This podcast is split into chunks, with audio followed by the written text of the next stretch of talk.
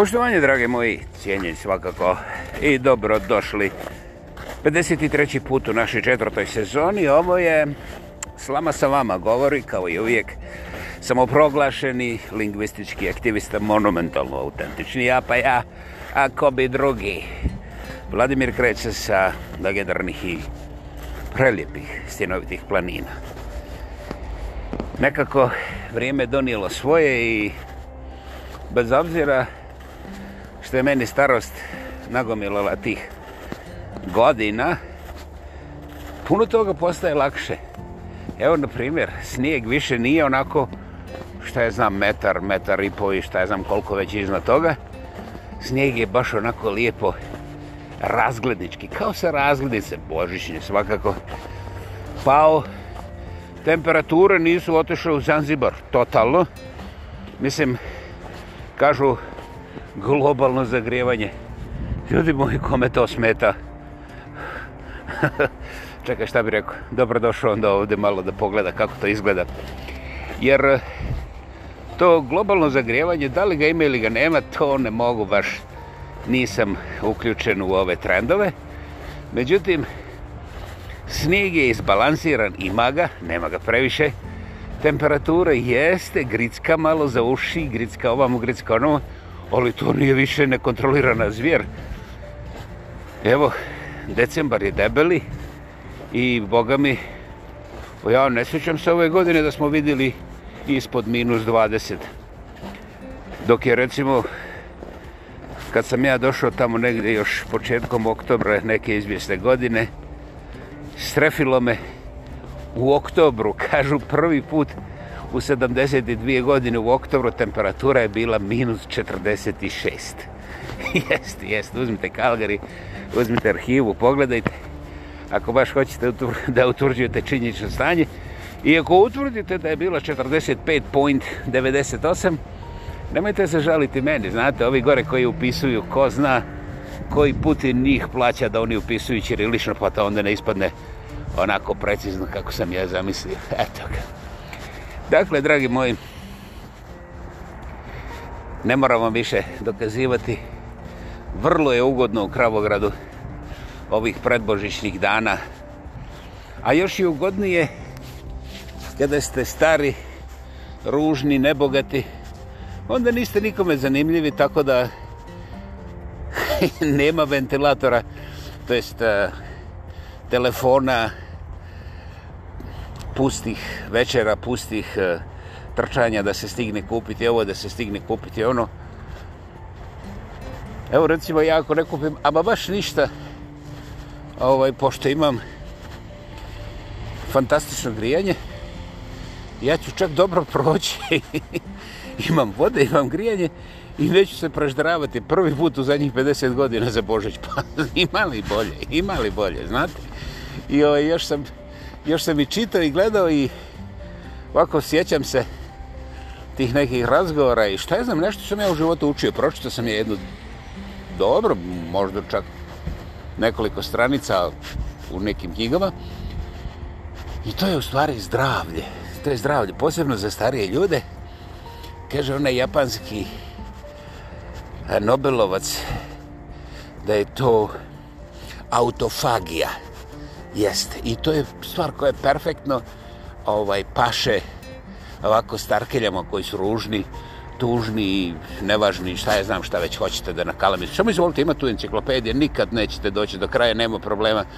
Kogod upusti prst u govance, ne brini, upašće i puno dublje, ali otkud ja znam sve detalje. Hm. Možda i znam, ali neću da kažem. Haha, otkrivajte sami. Dakle, Ja ovaj Božić dočekujem bez ikakvih histerija, a još manje pridisaka. Aha, dobro ste čuli. I ne znam kome i kako da se zahvalim, međutim to me isto ne zabrinjava, jer predivno je kad udahneš ujutru i kažeš hvala Bože što se ovako može. dakle, e, htio sam tu reći više stvari, naravno ja neću sve objašnjavati i crtati, nema potrebe jer vi znate puno više, ali eto, nije zgore ga pomenuti da se ja vrlo dobro sjećam nekih predbožišnjih dana kada, ne, ne govorimo o sirotinji, nego jednostavno govorimo o tome da je falilo novca, recimo da se kupe i nove zimske gume za auto, pa onda odjednom je otkazao boljer, pa je onda trebalo poslati bolesnom stricu Gicu, Pa je onda, razumiješ, odjednom, odjednom u tih nekih zadnjih par dana prije Božića ispostavi se da trebaju barem desetak mojih godišnjih plaća da bi pokrili te nekakve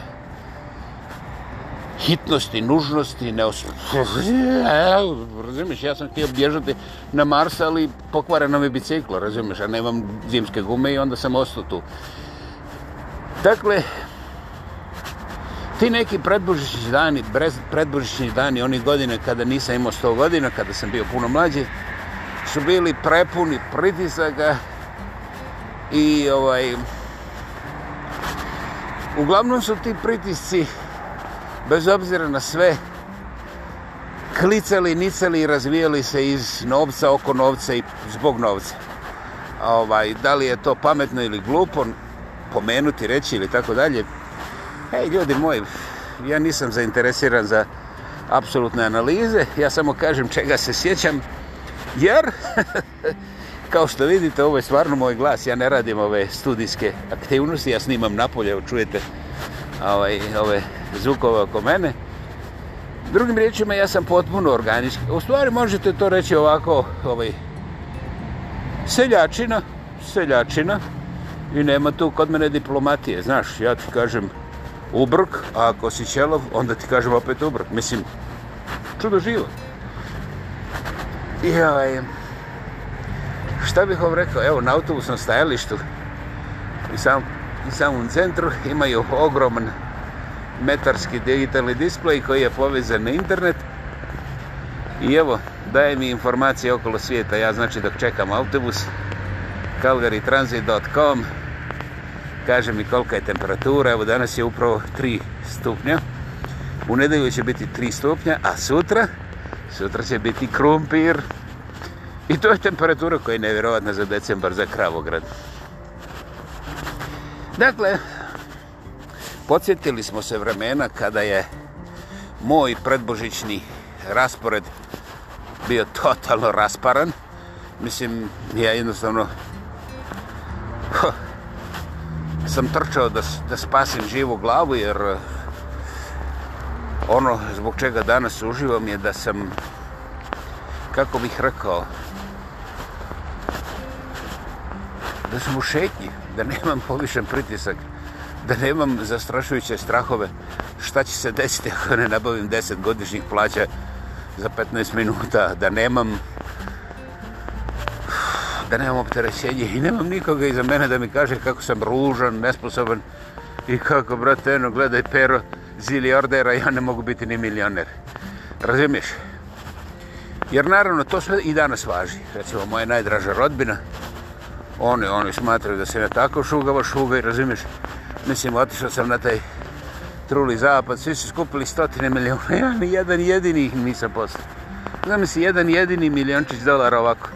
To ono čušne malo sa strane. Eto, tolika sam ja cicija.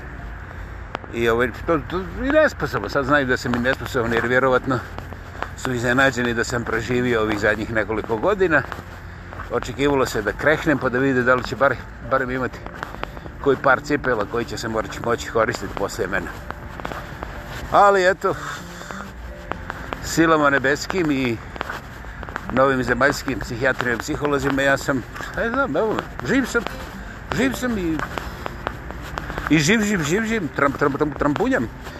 Dakle, ja znam da će ovi strašno patiti, prije svega. Ja čim dišem, to je zastrašujuće, to je nepodnošljivo, to smrdi za udara, pravi monstruozne zločine i tako dalje. I to je meni dosadilo, ja znam da je to dosadilo i vama, međutim, baš me briga. To je ono što je obilježilo moj život i znate, ja da sam osvojio ovaj Wimbledon kao Alcaraz, da sam pobjedio jednog Đokovića, ja bi o tome trabunio barem 74 godine, znate. I kome se ne sviđa, klik, ideš i slušaš na primjer reklame za dvojnice. Zašto ne? Međutim, ako pobjediš Đokovića u finalu Wimbledona, jebeš ga, znaš, to se pamti čak i u Zanzibaru, ozbiljno, ja sam sreo jednog iz Zanzibara, on je kuvar ovde gore. I ovaj, zna čovjek i kaže, uh, Karlitos, ja kažem, šta je Lito? A, Karlitos, a, Karlitos, u Litoga, mislim, stvarno, Đoković spušil, razumiješ?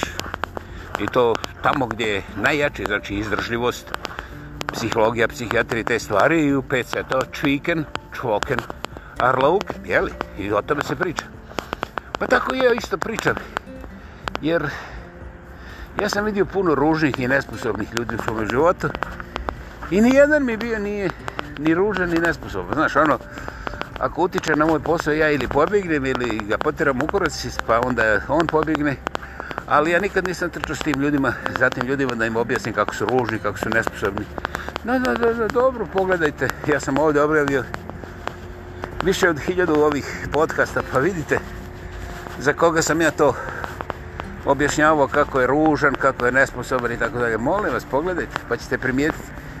A za mnom, da li ja to sad, na primjer, očekujem onu reverse psychology, da ću ja govoriti, oni govore da sam ružan, a onda će ovi početi da viču što me vole kao da sam pam, lijep pametan i te stvari. Ljudi moji, zaključujte šta god hoćete. Ovaj, I tu vam ne treba moje objašnjenje da upravo to u životu i radite. Jer uh, koji minut prije ovoga podcasta vi ste zapravo radili apsolutno ono što, što je vama po volji i sukladno vašoj situaciji. Recimo ako ste se bili utuširali, vi nijednog momenta niste raspravljali o topljenju snijega na južnom polu, nego ste gledali gdje je sapun, šampon i znaš da ta voda bude pristojno topla. Dakle, kao što vidite, vaša volja je uvijek na vrhu. I nećeš vjerovati. Evo, ja sad to i razumijem, vidite. To sam vam i rekao. Međutim, ono što ne razumijem je da ljudi koji sasvim sigurno imaju intelektualni izrelosni kapacitet trče za mnom i pričaju nevjerovatne stvari i ovaj e, dos, doslovce nevjerovatno. Ako ja njima ovaj, izgledam kao najružnija njuška nove planete, bože moj, zašto ne? Ne vidim tu nikakav problem.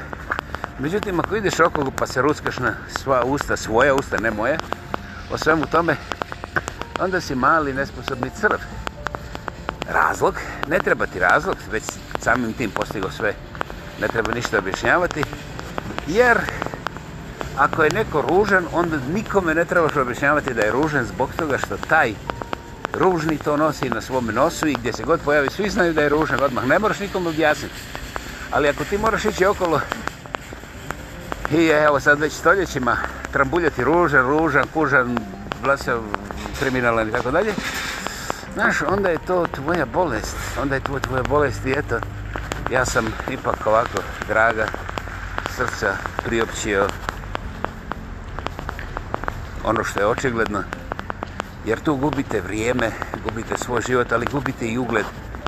Jer kada neko vrlo lijep, očigledno lijep, pametan, kao što ste vi, na primjer, ide okolo i priča o nekomu kako je ružan, kriminalno i tako dalje, onda mora izmišljati, znate, mora izmišljati neke riječi, mora ljudima oduzeti vrijeme za trambujanje o nečemu od, od čega ti ljudi nemaju nikakve koristi. Jer recimo ovo odeš, ispričaš nekom tamo džoki kako je vlada ružen i glup. A džoko, znaš, razmišlja kako će ženu da obrlati da ne kupuju zimske gume, nego da kupe prase jer on je već kupio pet gajbi piva za Božić. Razumiješ?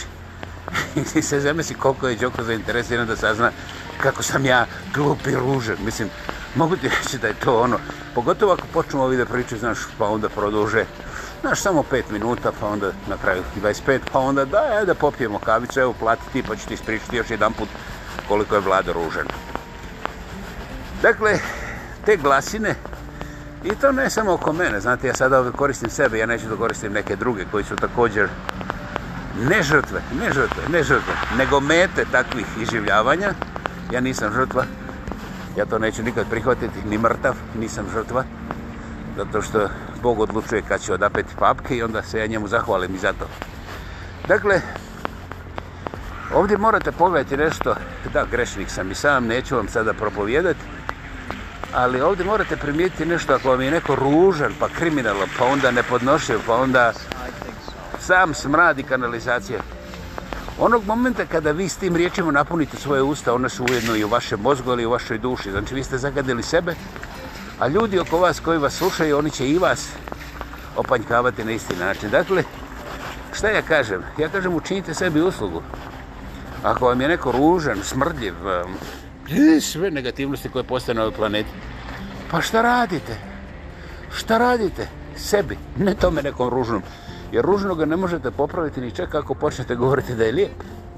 Aha, ponovit ću. Ružno ga ne možete popraviti i uljepšati čak i ako kažete da je lijep. Jer ružnoća, glupost i nesposobnost i kriminalitet ne ovise od toga šta vi kažete o nekome, nego šta taj neko hoće i želi uraditi i kako je rođen.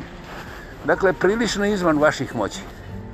A vi postajete brbljafon, postajete kvazi tetka Mileva i znate, tu ne treba nikom objašnjavati da su se već spustili preduboko i da to toliko zaudara da normalan čovjek neće pomisliti da potroši jedno jedino slovo, nisam rekao riječ, ponovit ću, jedno jedino slovo normalan čovjek neće potrošiti. Eto, ja vama činim uslugu, ja nisam rekao da nisam ružan, da nisam glup, da nisam kriminal, ne, ne. Ja sam rekao, ljudi, pogledajte šta radite sebe pogledajte šta radite sebi kada ogovarate ne neko mene ovako lijepog, mladog, plavog, nepogrešivog, dobro, lažljivog, ali skromnog, nego pogledajte šta radite sebi kada ogovarate bilo koga ili bilo šta.